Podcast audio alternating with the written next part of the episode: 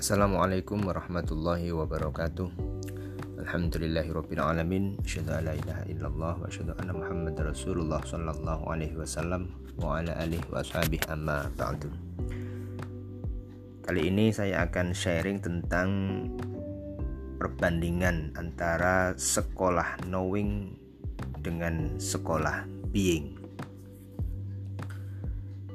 Uh, Satu ketika ada orang yang datang ke Indonesia dari satu perusahaan PMA penanaman modal asing. Tepatnya dia berasal dari Jepang. Nah, kemudian ketika dia datang ke Indonesia, kemudian diajaklah jalan-jalan oleh rekannya yang berada di Indonesia, orang Indonesia asli, yang kemudian yang yang datang ini orang Jepang. Nah, kemudian ketika jalan-jalan berkeliling di Indonesia, ketika itu dia mau menyeberang jalan. Nah, si orang Jepang ini ketika mau menyeberang jalan dia selalu nyali zebra cross. Jadi dia nggak mau asal nyebrang. Cari zebra cross, kalau ada jembatan penyeberangan dia naik jembatan penyeberangan. Padahal di sekitarnya orang-orang dengan bebas itu menyeberang begitu saja.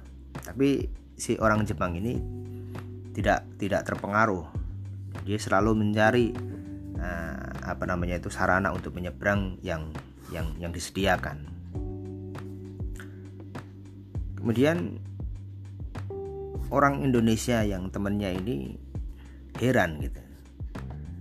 Kenapa kok orang ini selalu mencari zebra cross atau jembatan penyeberangan? Dan dia penasaran. Dan kemudian dia uh, memberanikan diri untuk bertanya. Uh, apa yang menjadi alasan anda? Kenapa kok anda ketika nyebrang harus lewat zebra cross gitu kan? Uh, sedangkan di sini nyebrang di mana pun juga istilahnya tidak ada yang melarang gitu. dan orang-orang sekitar juga nyebrang langsung nyebrang saja gitu kemudian apa yang membedakan di Indonesia dengan di Jepang gitu. kok Anda ketika mau menyeberang bersikeras harus uh, menggunakan sarana yang memang disediakan nah, kemudian si orang Jepang ini uh, menjelaskan jadi dia mengatakan it all happens because of the the education system. Jadi dia mengatakan ini semuanya akarnya adalah karena sistem pendidikan yang membedakan antara Indonesia dengan uh, di Jepang. Jadi dia mengatakan perilaku-perilaku yang terjadi ini itu berakar dari sistem pendidikan yang dibangun. Nah, kemudian dia menjelaskan bahwa uh, ada dua jenis sistem pendidikan. Yang pertama adalah sistem pendidikan yang hanya menjadikan anak-anak kita menjadi makhluk knowing atau sekedar tahu saja. Sedangkan yang kedua adalah sistem pendidikan yang mencetak anak-anak menjadi makhluk being. Apa maksudnya?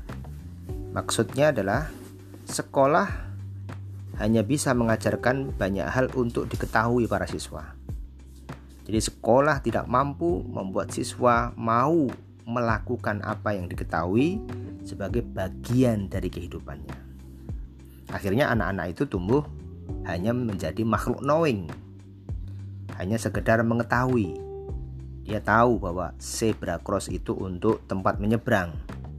Dia tahu bahwa tempat sampah itu adalah tempat untuk membuang sampah tapi mereka tetap aja menyeberang sembarangan, membuang sampah juga seenaknya sendiri. Nah, sekolah semacam ini biasanya mengajarkan banyak sekali mata pelajaran.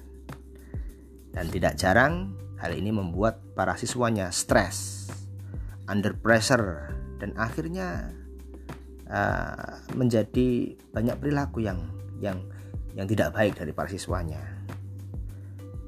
Nah, semua hal itu diajarkan dan banyak hal itu diujikan. Tetapi tidak satu pun dari siswa yang menerapkannya setelah ujian. Jadi mereka belajar hanya untuk ujian. Nah, ujiannya pun hanya sekedar tahu, knowing. Jadi dia tahu jawabannya saja. Nah, di negara kami, kata dia, di Jepang, itu sistem pendidikannya benar-benar diarahkan untuk mencetak manusia-manusia yang tidak hanya tahu apa yang benar, tetapi mau melakukan apa yang benar sebagai bagian dari kehidupannya. Nah, di negara Jepang itu anak-anak hanya diajarkan tiga mata pelajaran pokok. Yang pertama adalah basic basic science, yang kedua adalah basic art, dan yang ketiga adalah sosial. Nah, tiga itu dikembangkan melalui praktek langsung dan studi kasus dan dibandingkan dengan kejadian nyata di seputar kehidupan mereka.